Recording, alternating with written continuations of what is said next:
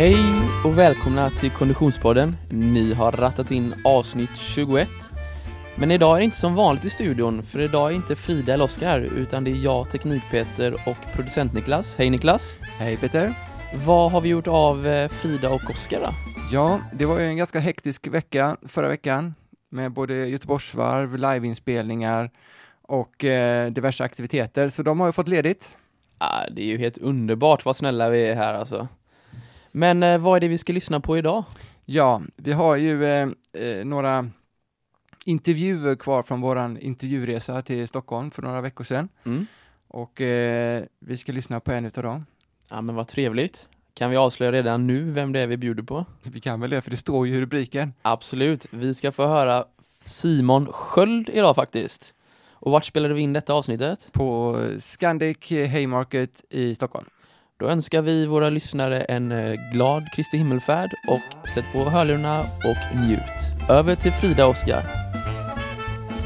Vi har fått sällskap i vårt lilla poddrum utav ingen mindre än mannen som satte MMA på den svenska kartan. Hej Simon Sköld! Hej! Hur är läget? Det är jättebra tack. Själv? Jo tack, det är bara bra. Hur mår du Oskar? Jag mår toppen. Jag är i, i huvudstaden så att eh, man kan inte vara annat än spänd. Eller hur? Ja, det solen skiner. Eh, Du Simon, eh, eh, hur har den här dagen sett ut hittills? Har du tränat någonting? Jag ska faktiskt träna efter det här. Eh, jag, jag har varit och klippt mig idag. Ja, Det- och, ja. och snyggt Ja, verkligen! ja, tack så mycket. Bra! Bilder får vi fixa. Ja. Vad, vad, inte vad klipper du dig, var inte det jag tänkte säga, utan vad ska du träna? Eh, först ska jag träna styrketräning och eh, ikväll ska jag träna thaiboxning. Okej, Mm. ja, i, som två olika pass. Ja, ja. Så jag kommer träna ungefär vid klockan tre skulle jag tippa på och sen är eh, thaiboxning klockan åtta. Okej. Hur mycket konditionsträning tränar Simon Sköld? Det är faktiskt det jag försöker lägga störst vikt på. Jag är ganska stark. Jag tränar ett styrkepass i veckan. Mm. Resten försöker jag dela upp mellan då kampsport och eh, ja, fys och konditionsträning. Just för att det är väldigt konditionskrävande att fightas. Mm. Det är det som jag känner kan brista, det är inte styrkan. Mhm. Eh, och där är man säkert olika. Jag är ju, vad ska man säga, explosivt byggd. Eh, så jag känner inte att styrkan är mitt problem. Jag egentligen behöver jag ju kunna lyfta 70-75 kilo och kasta runt med det och det, det klarar jag av. Eh, det är bara att orka göra det i 15 minuter som är, som är det jobbiga. Mhm. Men ni sitter här lite grann du och Oskar som två kroppsbröder måste jag Ja. säga. Ni är tämligen likt byggda. I, i, samma värld men ändå två skilda världar. Du är i, liksom, i fighting och jag är i konditionsvärlden. Men eh, hjälp mig och lyssnarna att förstå lite mer om eh, du säger 15 minuter, jag antar att det är 3 gånger 5 ronder. Ja, Ehm, är det MMA du ja tävlar exakt. i? Jag är aktivt i, inom MMA. Ja. Då tävlar man i eh, fem minuter gånger tre. Så att det är fem minuter åt gången, sen Ja. har man en minuts vila och så är det fem minuter igen. Och så en minuts vila och fem minuter. Eh, vilket kanske inte låter så jättemycket, men jag brukar säga till folk, slå på en säck i fem minuter allt vad du har, så ska du se hur trött du blir. Och sen kan du tänka att någon ska försöka slå tillbaka. Så att det är extremt konditionskrävande. Plus att sen har man ju yttre faktorer så som att eh, man går inte match särskilt ofta. Man Nej. går eh, två till fyra matcher per år. Vilket betyder att du lägger ner extremt mycket träning för de här få tillfällena. Eh, det är ofta, eh, alltså du har ofta publik, vänner, familj, eh, det är tv-sänds. Så det är ganska mycket press runt omkring som, som sätts på en. Hur mycket jobbar du med att lära dig kontrollera ditt eget adrenalinpåslag och din egen liksom, anspänning? Senaste fem åren väldigt mycket. Eh, när jag var yngre så körde man och reflekterade inte så mycket. Eh, vilket säkert var bra på sitt sätt. Men eh, någonstans kände jag att ja, men jag, måste, jag måste optimera så mycket som möjligt. Och då är det en av sakerna. Jag började träna mycket mentalt. Jag började fokusera på hur kan jag med hjälp av mental träning få ner min egen puls när jag tränar? När blir jag som tröttast i en match? Vad kan jag göra då? Eh, Så jag började titta på det egentligen teoretiskt. Att när har jag mina fallgropar? Och jag märkte att när jag brottas stående, alltså när vi ska kasta varandra, då får jag en extrem pulshöjning. Um, och då började jag helt enkelt tänka på det när jag tränade och försökte lugna ner min andning. Och det gjorde att jag sänkte pulsen eh, radikalt. Vi har på min klubb ett system som heter Activio där man då sätter på sig ett pulsband och så finns det tv-apparater som visar eh, vad man har för puls. Smart. Eh, och då kan jag väldigt tydligt se att när jag boxades så gick inte pulsen upp jättemycket. När jag var på marken och man liksom brottades liggandes var inte heller pulsen så jättehög. Utan det var just i den här ja, clinch och kastmomentet. Där eh, blev min puls extremt hög. Och det märkte jag skillnad på att bara bli medveten om. Va- Var det för att det var en, en svagare länk i, i ditt utövande tror du, eller hur kommer det sig?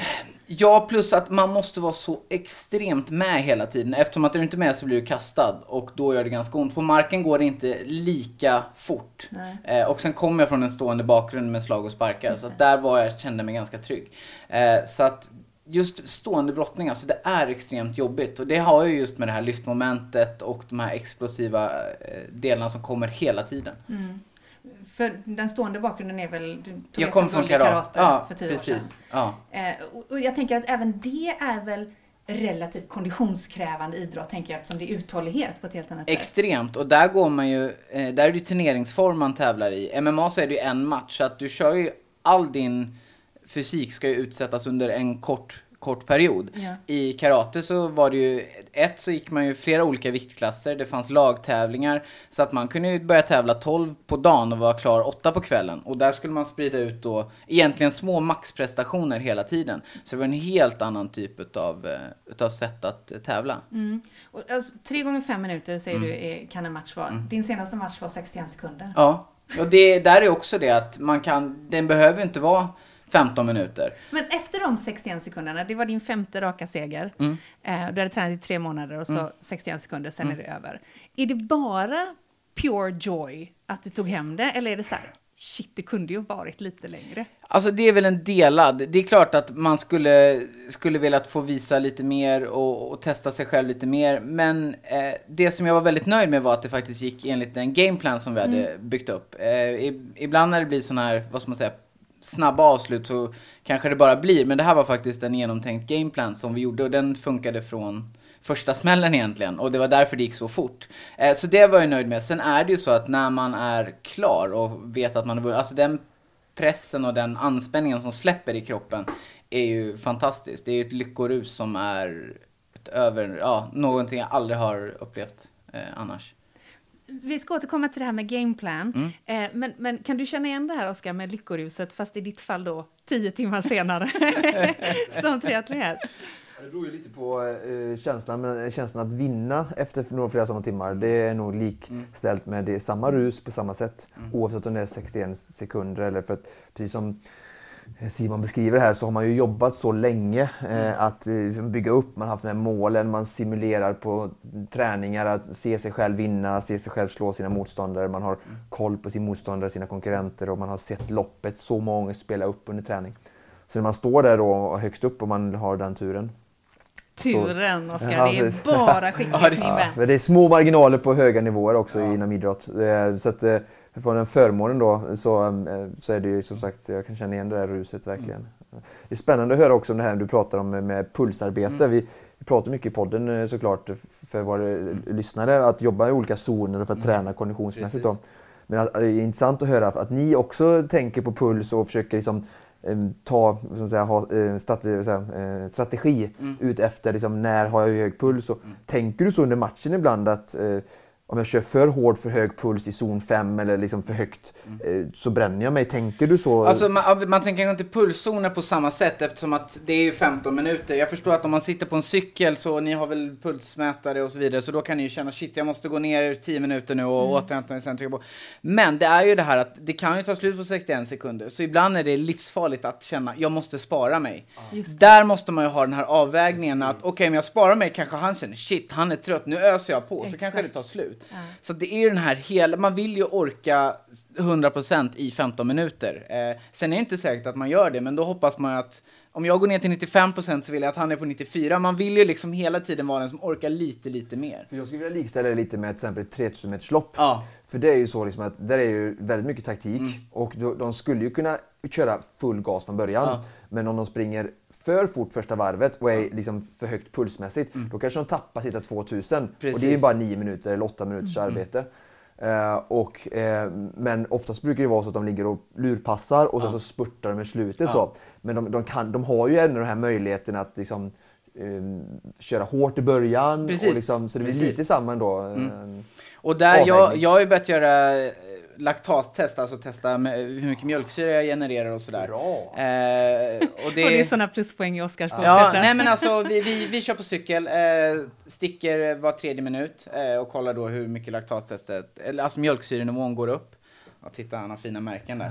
Eh, och jag hade ju, vad har du när du springer ett lopp? Vad har du? Det finns en skala på 1 till 22 brukar den stanna på. Ja. Vet du vad du har?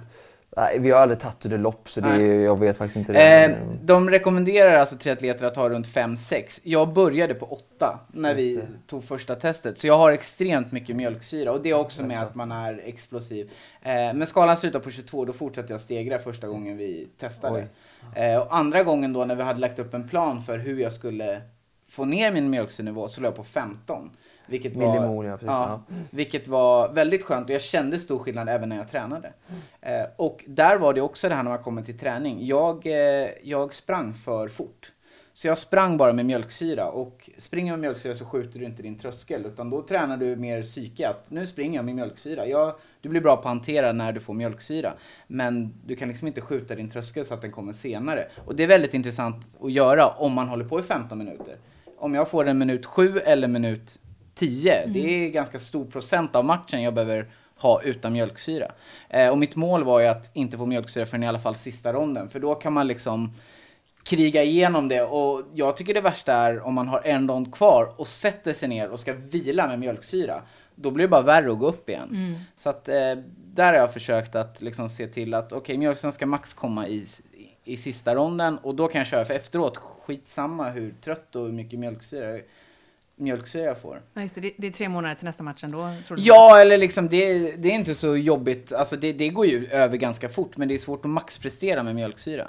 Men, men du nämnde i början här eh, att, att du följde, följde din gameplan Mm. eh, och att du var nöjd med det. Men hur ser en sån gameplan ut? För nu du, tog du hem det då efter 61 sekunder och jag Mm. antar att du hade en, en, en potential fortsättning. Oh ja, absolut. Eh, nej men målet, eh, eller gameplan handlade om att eh, han, eh, jag kände att jag var snabbare än honom. Vi hade studerat då lite av hans tidigare matcher. Eh, jag skulle vara snabbare än honom och han ville brottas. Vilket betyder att han måste komma till mig. Om jag håller avståndet och han vill brottas, då kommer han vilja komma till Och det mig. visste du, för det är så han har sett ut i Ja. sina matchmönster. Och då kände jag att okej, men då ska vi backa, lura honom till att komma till mig och när han kommer tillräckligt nära så kommer du hinna slå först. Det var egentligen gameplan och nu träffade jag först första gången och han gick ner på det. Eh, sen blev det lite scramble på marken, alltså brottning och sen fick jag en strypning. Eh, men när jag slog honom så att han gick ner, då kände jag att han är groggy. Och eh, jag pratade med honom efteråt och han sa att nej, jag, alltså när vi var på marken, jag försökte bara överleva och få dig att ja, sluta göra något. Alltså att du skulle bli passiv och still så att jag fick återhämta mig.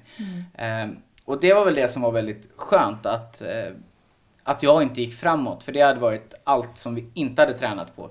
Eh, men jag försöker träna på en gameplan tills den blir tråkig. Sen är gameplan för mig, det är en rekommendation. Det är inte vad som måste händas. För som sagt, han kan ju ha ändrat Ja, men precis, ni är ju två. jättebra på, på, på någonting nytt som inte jag har sett. Mm. Eh, och det, så här, det som man ser på en film kanske inte är det som upplevs i verkligheten.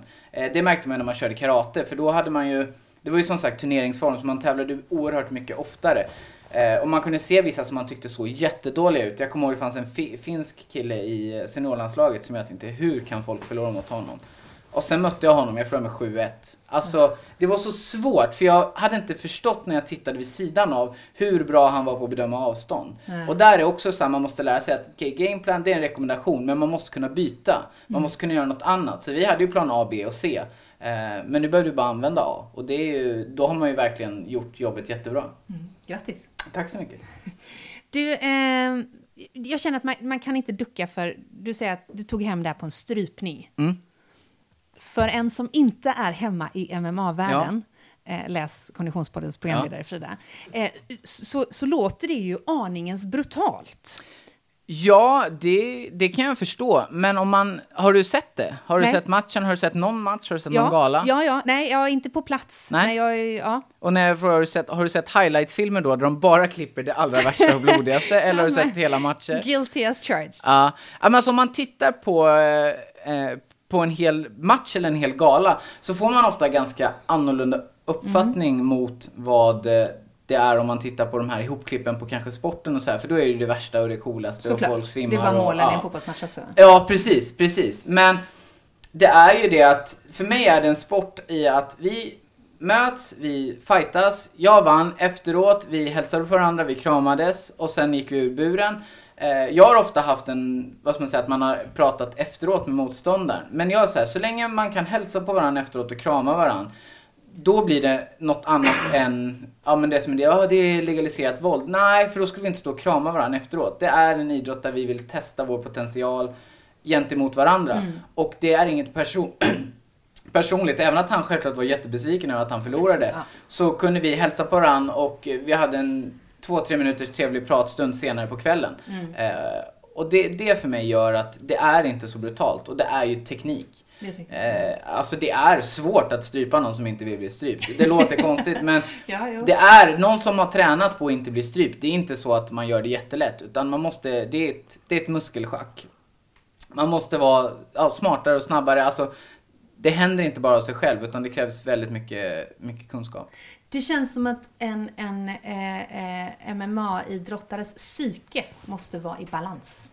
Ja, det måste det. Och där är också så här, jag kände att jag behövde träna mentalt. Jag hade ju en ganska dålig, eller ganska, en extremt dålig start. Jag hade som sämst eh, 2-5, det vill säga alltså två vinster och fem förluster. Vilket, ja, det är ju jättedåligt.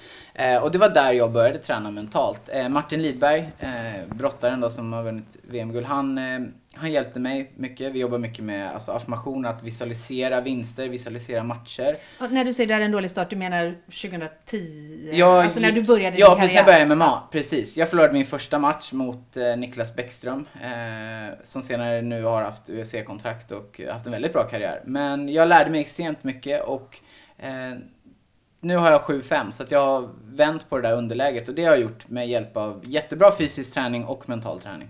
Du säger U- kontrakt med UFC. Finns det någon svensk motsvarighet eller vad tävlar du i? Jag Finns tävlar i det- Superior Challenge. De Super. är eh, andra största galan i Europa. Okej. Eh, och UFC är väl eh, garanterat störst i världen. Är det där han Gustafsson, the måler? Alexander Gustafsson, ja precis. Ja. Han går i match nu. UFC kommer till Sverige 28 maj. Där kommer han gå match. Och han eh, kom ut förra veckan, eller om det var två veckor sedan, att han nu är rankad ett i eh, lätt tungvikt. Så det är jätteroligt. Man kan ju tänka att allt vi har hört dig berätta hittills är ganska långt ifrån kontexten latmask och gör hellre någonting Mm. än ingenting. Ja. Vilket ju är lite grann eh, andemeningen av din bok Ja. Träning för latmaskar som släpptes för eh, några månader sedan. Ja. Den släppte innan jul. Ja, hur, hur- vad, vilken del av Simon Skölds träningsintresse bor i latmasktanken? Men jag har jobbat som PT tidigare i många år och när jag var klar PT, jag höll på, hade precis börjat liksom satsa på MMA, jag var liksom, hade kommit från karatelandslaget och jujutsu-landslaget, jag liksom var i två landslag samtidigt. Allt handlar om tävling och liksom maxprestation, prestera. Och så skulle jag bli PT och liksom jag hade liksom hur mycket motivation som helst och jag liksom bara, oh shit vad jag ska göra bra kostscheman, träningsscheman, upplägg, da da da da da. Eh, och så började jag jobba som PT och insåg shit, det är svårt att ens få folk att komma hit. De vill inte träna. Jag liksom levde i en bubbla där alla liksom försökte maximera allting. Medan eh, som PT då, då är det ju alltså gemene man som, eh, som kommer och kanske inte har några elitidrottsambitioner utan de en del vet fan om de ens har ambitioner, men de vill ju bara träna och liksom må bra. Eh, och kanske ha ett estetiskt mål eller ha en skada man vill komma tillbaka från eller bara komma igång. Eh, och där kände jag, shit, det är motivationen. Så allt det jag trodde att en PT var, eh, fick jag omvärdera och märkte att nej, det, jag jobbar så mycket mer med motivation än med träning. Och eh, när jag var, ja men från att jag var 16 kom jag, 15 kom jag i landslaget, då tränade jag extremt mycket. Jag tränade 12 till 15 gånger i veckan. Eh, och förstod inte själv att det var fan för mycket. Så att eh, jag hade, jag fick, resultatet var att jag hade köttelfeber tre gånger på ett år. Eh, och ja, lite korkad kanske jag var att jag behövde få det tre gånger, men jag insåg att någonting är fel. Någonting gör jag ju som inte är bra. Och då började jag liksom, ja, men titta på teorin, studera, eh, läste på och märkte shit, jag tränar ju för mycket, jag blir ju utsliten. Och peppa peppa ta i trä var ju tillräckligt ung att jag inte gick in i väggen helt, utan att kroppen sa ifrån med diverse sjukdomar. Och där kom den här tanken till att, okej, men hur mycket måste jag träna liksom. Eh, och där var det så att jag liksom drog ner lite grann. Sen studerade jag på Bosön 2007-2008. Och då hade vi en föreläsare som började sin föreläsning med hur lite behöver du träna för att bli bäst? Och där började egentligen hela idén till hur min fortsatta idrottskarriär har gått. Eh, och det är så här, okej, hur mycket behöver jag träna för att klara av att vara en elitidrottare? Eh, där Martin Lidberg hjälpte mig också. Han berättade att när han, eh, han skadade sig och sen så bestämde han sig för att komma tillbaka och då var hans plats i hans viktklass upptagen, så han fick gå upp en viktklass. Eh, och de tränade han tränade 10 pass i veckan, men kände att fan det går inte, alltså min kropp pallar inte. Så han gick ner till 9 pass i veckan och hans utveckling gick spikrakt uppåt. Och det, det är också här, behöver, man, behöver du träna 12 pass eller räcker det med 10? Och där är ju en grej med liksom, man har familj, man har vänner, man har jobb som man måste hinna med. Hur mycket tid kan jag lägga? Och blir det en stress att lägga 12 pass Medan 10 pass funkar jättebra. Så jag drog ner på min träning och idag tränar jag mellan 9 och 11 pass, vilket är det minsta jag har tränat någonsin genom hela min karriär, men är ändå bättre både psykiskt och fysiskt. Så att jag känner nu när jag går och tränar, då orkar jag ge 100% och verkligen pressa mig själv. Medan när jag tränar sådär mycket, jag gick ju fyra pass i veckan gick jag dit och maskade igenom och bara, jag, jag tränade egentligen inte, jag var ju bara där och mådde psykiskt dåligt av det. Så att därav att bara, vill man bara hålla igång, tänk inte så mycket på vad du gör, hitta någonting som är roligt, gör någonting. Och jag vill inte att träning ska vara skuldbelagt. För det jag, tycker jag är största problemet idag. Att jag har ju polare som själv tränar tio gånger i veckan och missar de ett pass, de fokuserar bara på att jag missade ett pass. Jag bara, men du tränar nio pass. Skit att du missar ett, det kommer inte spela någon roll. Mm. Men det är liksom fokuset blir fel, att man fokuserar bara på hur, hur mycket man inte tränar istället för hur mycket man faktiskt tränar. Mm. Och idag är ju idealet, det börjar bli lite bättre tycker jag med att man använder modeller som faktiskt ser ut som en riktig människa, både på tjej och killsidan. Eh, det pratas väldigt mycket om tjejers ideal, att man ska vara så här pinsmal och så, men det har ju blivit mer att killar också måste se ut som någon grekisk gud 365 dagar om året. Även om det mycket, mycket mer press på tjejer. Men där tycker jag att hitta tillbaka till en normal, en bra grund över hur man ser träning. Träning ska vara någonting som ger någonting. Och två, tre gånger i veckan, det är jättebra att träna. Det är inget fel alls. En del skäms om att säga jag tränar bara två gånger i veckan. Jag tycker nej, var glad. Jag tränar två gånger i veckan, jag gör det kontinuerligt. Det är liksom, alltså det är 200, 104 eh, pass på ett år du tränar. Alltså det är jättebra. Mm. Och det är det som kommer ge Eh, kommer ge resultat. Många frågar mig, vad är hemligheten till att lyckas? Vad kontinuitet. Och det spelar ingen roll om det är i träning eller med jobbet. Alltså, vill du utvecklas och bli bättre, då är det kontinuitet. Vill du lära dig spela ett instrument? Ja, du kan ju spela åtta timmar om dagen i två veckor, men sprider du ut det över ett helt år så kommer erfarenhet och det kommer sjunka in och du kommer lära dig på ett helt annat sätt. Mm. Vad, vad, tänker du när du eh, hör detta, Oskar? Jo, så är det väl absolut. Vi har ju det, alltså träningstrenden som har ökat radikalt har ju fått även mycket negativa saker med sig också. Inget gott utan att det för sig något ont. Och eh, det är ju det här att det, som, som Steven säger, att det har blivit lite anti också då, eh, som en våg eller en stor massa i, i samhället som har följt med den här trenden då vid sidan. Eh, och då blir det nästan resistenta mot träning för att mm. de som väl har tränat, precis som tekniken har bara skjutit i höjden så har liksom hetsen med träning skjuter höjden och många som har hittat det de gillar och, och tränar mycket. Då. Så att, eh, det är synd att det har blivit, eh, som Simon säger, ett sånt förhållningssätt till träning eh, och ofta att det är förknippat med prestation och utseendesideal eller träning på ett visst sätt mm. och inte fysisk aktivitet som eh, något hälsosamt för att hålla det övriga livet eh, mer roligt, mer glädjefyllt och mer sunt. Mm.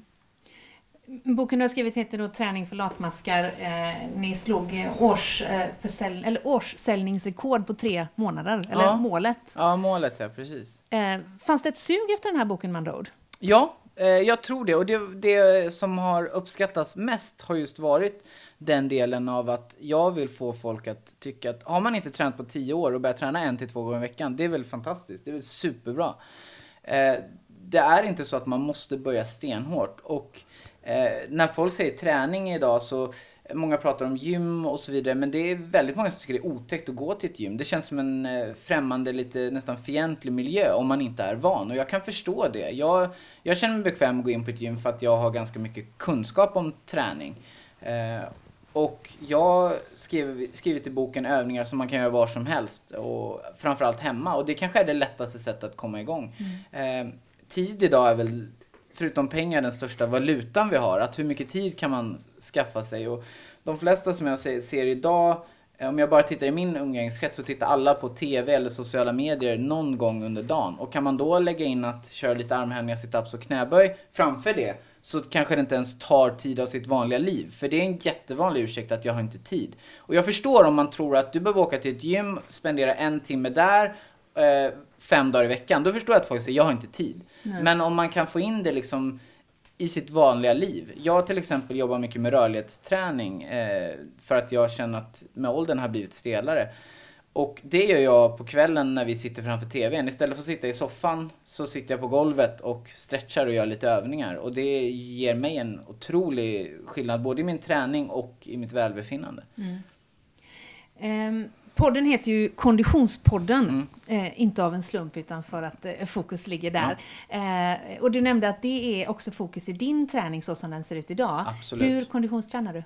Eh, jag kör absolut mycket, mycket kampsport. Eh, just för att det är ju det, det jag behöver vara bra på. Eh, jag löper två gånger i veckan.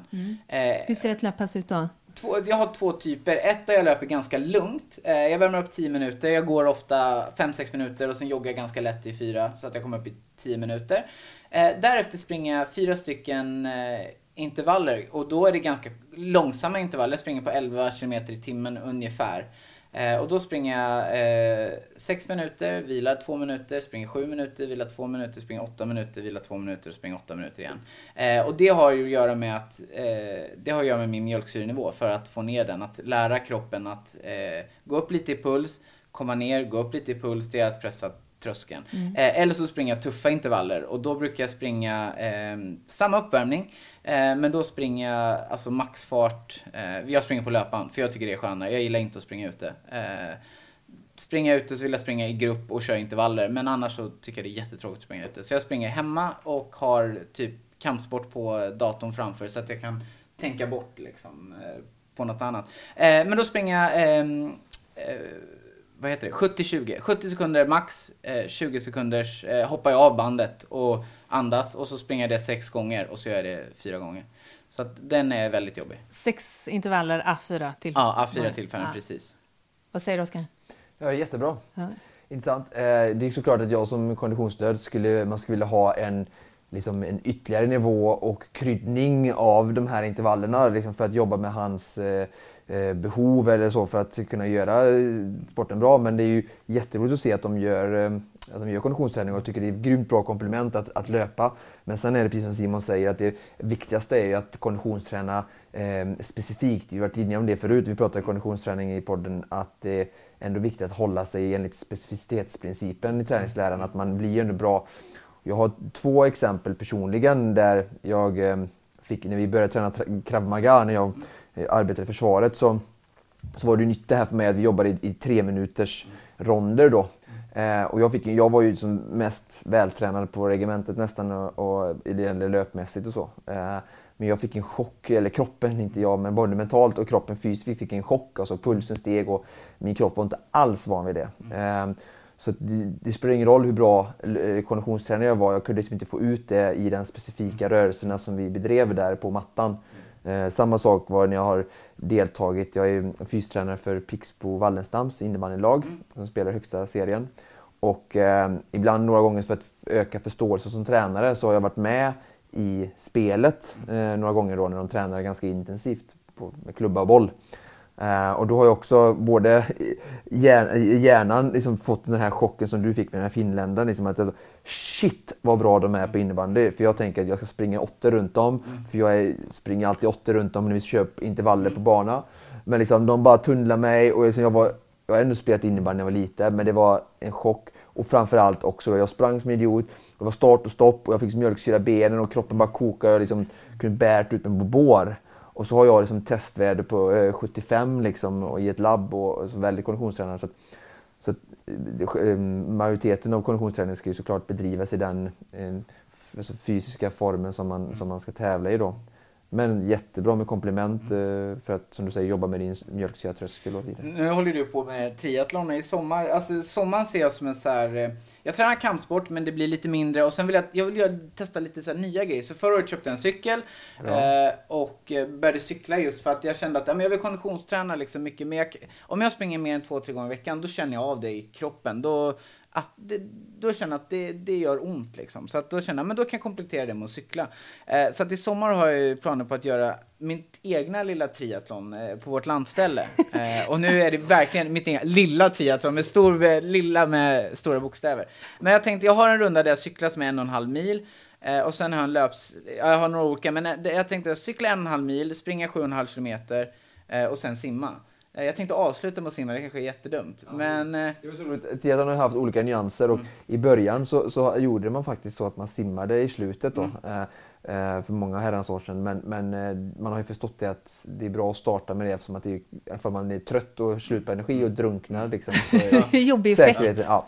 Så att, eh, nu när man, jag som har hållit på så länge, men även om jag skulle försöka vara objektiv så, så, och man tänker efter, liksom bara rent teoretiskt praktiskt, så, så är det ju bättre att simma först. Ja, ja, ja. ja men det Ehm, kan bli så att Kan du lägga om din simma. bana? Ja, vi får se. Jag, jag, kommer nog testa båda och. Men sen så vill jag ju utmana dig då att så försök att förlänga den här eh, cykelturen till 20 kilometer och så spring 5 kilometer. Okej. Ehm, då får du den här sprintdistansen och det är den kortaste distansen. Så Ja, det är oftast det. den som de flesta motionärerna testar på först. Och den innebär ju 750 meter simning. Eh, vad blir det? Det är mm, 32 knappt, inte 30 längder i 25 bassäng och sen så två mil cykel och så 5 km löpning. Så, och där är det liksom all out som gäller i princip. Det är en timmes arbete ungefär drygt. Oh, jä- jäklar, nu gav man mig en tid också. Du Oh, såg att han smög in en det. timme är galen. Ja, det är bra. Ja, det, det kommer jag inte komma ner på första försöket, det kan jag lova. Ja, du får hoppa över de där hallonen du tänkte äta emellan. Ja, exakt. Ja. Men okej, så, så ett eget litet Simon Sköld-triathlon eh, står på tapeten eh, Ja, men det, har jag 2017 tänkt- ja, kanske? det ska jag göra. Ja, men det ska jag absolut göra. Jag tycker att det är fascinerande. Jag, eh, jag, jag har ju sprungit ett halvmara, jag har sprungit Göteborgsvarvet. Jag måste säga det, det är, alltså fundera på att springa ett halvmara, spring Göteborgsvarvet, skit i alla andra för det är typ världens roligaste lopp. Jag har bara sprungit en gång, men vi hade, Vad är det som är roligt? nej, men vi hade strålande sol, ett, vi hade tur med vädret. Ja, det, det har vi alltid i ja, Göteborg. Det, var ju, det, roliga var, ja, ja, solsidan ja. Nej men eh, sen var jag ju så här, alltså jag, jag var ju så missplacerad, jag kände mig kort, jag var ju inte jättelång, jag är 1,72, men där kände jag mig så jäkla kort. Alltså alla är ju jättelånga och jättesmala, kändes det som. Eh, men, ja precis, det är bara så i Göteborg, alla är långa. Nej men det var ju ett, så mycket folk. Alltså jag visste ju att det var så, så mycket folk. Eh, Men det är en folkfest. Ja, verkligen. Men det Och var det är tre- ju 35 faktiskt världens års, eh, största halvmaraton. Ja, det var ju 35-årsjubileumet var det. För de Okej. hade en grupp som startade, de hade sprungit alla, alla varv, alla år. Ja, det är Eh, det var sjukt coolt. Och det var några som man var så här, det här kanske blir ditt sista. När man sprang om dem. För att jävlar, men de körde på. Så de sprang 35 år i rad. Men när man, ett det var ju folk överallt. Eh, jag sprang med en eh, löpcoach. Och jag gjorde Vad väl... han? Eh, hon heter Charlotte, nu ska vi se. Ja, bara intressant. Jag kan ta reda på det. Ja. Nej men jag sprang med en löpcoach och jag tror att alla gör samma misstag, att man går ut för hårt. För jag började springa och hon bara nej, nej, nej, nej, nej, lugna ner dig nu. Och jag var såhär, men Just det. fan jag känner mig pigg och så han bara, jo men Det ska hålla du mer ju än 60 springa, liksom. Och hon frågade mig, för jag skulle ha sprungit, jag hade ju fått en så här eh, vad heter det, löp, en träningsplanering för löpning. Men jag hade match två veckor innan så jag hade inte kunnat hålla den. Det gick Nej. liksom inte. Eh, men eh, hon heter Charlotte Karlsson. Just det. Mm. Eh, och fantastisk, jätteduktig löpkort. Eh, vi började springa och då så var hon så här, ja, har du sprungit 1,6 nu då, tre gånger som du skulle ha gjort innan det här? Ja. Eh, nej, det har jag inte gjort. Hur långt har du sprungit? Jag bara 1,1 en gång. Hon bara, ja men det är bra, det är ju bara 9 kilometer plus Ja, på det. 1,1 mil säger du. Ja, just det. Mm. 1,1 mil. Eh, Du hade alltså inte sprungit sträckan? nej, jag har sprungit 1,1 mil som längst. No, Okej, ja. Mm. Oh. Ja, på tal om det här att jag tröttnar. Jag tycker efter ett tag så vill liksom inte jag hålla på. Nej, okej. Men vi satte igång och hon var som sagt håll ner mitt tempo. För hon sa du ska springa andra halvan snabbare än vad du springer första halvan. Just det. För att det är liksom mentalt och eh, är det jävligt mycket skönare och det förstod jag. För jag, när vi då kom till halva då började jag ju springa om folk. Just det. och det var ju en yay. ja det var ju en fantastisk känsla. Eh, och jag såg ju folk som jag hade sett, jag bara shit vilket tempo de hade när vi drog iväg. Ja. Och de kom man ju fatt och sprang om. Eh, och eftersom jag aldrig sprungit så långt hade vi satt att jag skulle springa under 1,50 tänkte jag. Det måste jag ju, det måste jag ju palla. Eh, men vi Hur kom... kommer det sig att du tänkte att du måste palla det? Hade du någon referens? Jämförde Nej men jag tänkte vad jag kunde springa en mil på liksom. Och så Ja. tänkte jag dubbla det. Och så tänkte jag tävling, man är ju- ja. Ja.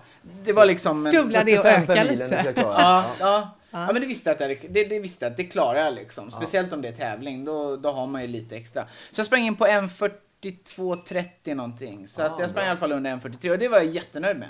Eh, det jag var så förvånad över var att jag trodde att jag skulle ha en puls som, alltså mina lungor skulle springa, sprängas. Men det hade jag inte alls, utan det var ju benen som kändes som, ja, Betongklumpar. betongklumpar. Men och som sagt, det är ju, jag vet inte hur många band det var, men säkert tio band Ja, som ja, var som spelar, utplacerade. ja.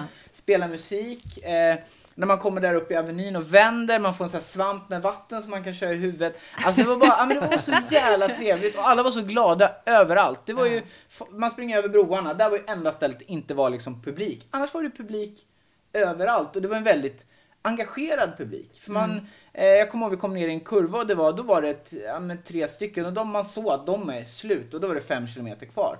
Men då började bandet liksom spela till dem liksom. Ja men är grön, röd och blå tröja, vad de nu hade liksom. Ja. Kom igen nu. Och man såg hur de, det, bara det gav energi. Så att det är ett fantastiskt lopp att springa. Hur, hur kommer det sig att en MMA-fighter bestämmer sig för att springa Göteborgsvarvet? Eh, eh, jag hade välja på det eller Lidingöloppet. Okej, för att... eh, nej men eh, det var en utmaning tillsammans med Adidas och eh, Musse Okej. Hasselvall. Ja, ja. Eh, och han Ja, ja. sprang ju Lidingöloppet och jag kände att jag kan fan inte slå hans tid där trodde jag. Så jag kände att då springer jag Ja, ja. Göteborgsvarvet Är, istället. vem är han? Är han också en MMA-fighter? Ja, han Ja. är MMA-fighter och eh, han jobbar på, med produktion på SVT. Mm. Eh, Träningsprofil ja, även ja, han. ja, jättegullig. Men han är MMA-fighter i, i, i grund och botten. Cool. Blir det fler Göteborgsvarv? Ja men det tror jag faktiskt, det tror jag det kommer bli. Eh, faktiskt någon gång. Eh, för det var, så, det var så fruktansvärt trevligt. Däremot det första jag sa till min löpkurs när vi kom i mål, jag, det var att jag ska aldrig springa ett maraton. Lite som att föda barn. Ja, ja det, det vågar jag inte ens uttala mig om. Det tror jag är värre. Men eh, jag har sagt till dig när du kom målet, vi tar ett varv till, så har du sagt nej. nej, det, då hade jag definitivt sagt nej. Det skulle jag behöva vara så mentalt eh, inställd på. Eh, för att göra. För det, där kände jag ju att det var ju det mentala. Eh, det jobbigaste var från eh, 1,2 mil fram till 18 kilometer.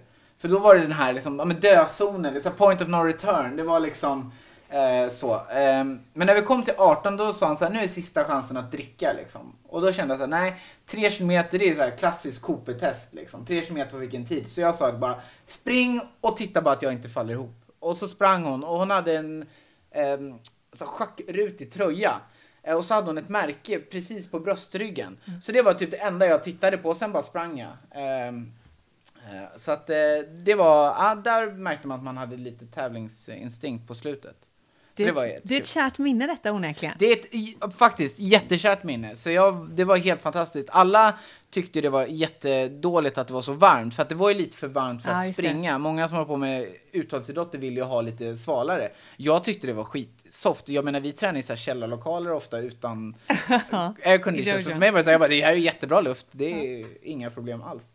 Så det var väldigt, väldigt fint. Om det då inte blir ett eh, hemmasnickrat eh, triathlonlopp, Ja. eh, eh, vem vet, det här kanske, vi kanske lanserar en, en idé här nu. Ja. Eh, eller att bli långdistanslöpare. Hur länge kommer Simon Sköld att vara MMA-fighter? Vad gör du sen? Nej men vad jag sen vet jag inte riktigt. Nånt, jag måste ju tävla i någonting tror jag. Det verkar ju så onekligen. Ja, nej, men jag tror att jag, jag, om jag ska vara realistisk så har jag kanske 3 till 5 år kvar av tävling. Mm. Men det, Eh, är- det, är ändå, det är ändå så pass liksom? Ja, fem- jag fyller ja. Mm. 30 år. Eh, och eh, jag tror att så länge kroppen håller så absolut så kan jag tävla i 3 till 5 år till. Det tror Mm. jag inte är några problem alls. Hur gammal är förlåt, Gustafsson? han är, nu ska vi säga, han är ett eller två år yngre än mig. Okej, så han är Yngre Ja, än han dig? är yngre än mig. Jag tänkte, okej, ah, förlåt. Jag tänkte han var äldre. Men Ja, nej, han är, han är yngre än mig. Ehm, jag tror han är ett år yngre, Ja. men sagt ska inte fastna vid det. Nej. Men jag har ju börjat köra racing med bil på bana. Det är ju fantastiskt roligt. Så det är någonting jag kommer hålla på med. Men det, gör Wow. man, det gör man ju inte så jätteofta. Och det är ju inte... Det är absolut fysiskt krävande, man måste vara superkoncentrerad. Men jag vill ju påstå att det är inte lika fysiskt går inte att krävande som jämföra MMA. riktigt. Ehm, Vad kör du för bil då? Eh, just nu kör jag en eh, Renault Clio som jag håller på att bygga om. Aha, vad, är det, vad är det för typ av tä- eller hur känner ni? Eller Vi bara- kör något som kallas för time attack och då är det, eh, det är inte så, man startar alltså i, vad ska man säga, med mellanrum. Ja. Så att det, det handlar om att få en tid egentligen. Så att du kör, du har 20 minuter på, du har tre kval och sen är det final. Så du har tre kval på dig att sätta en så snabb tid som möjligt. Och sen är de fem snabbaste som går till final.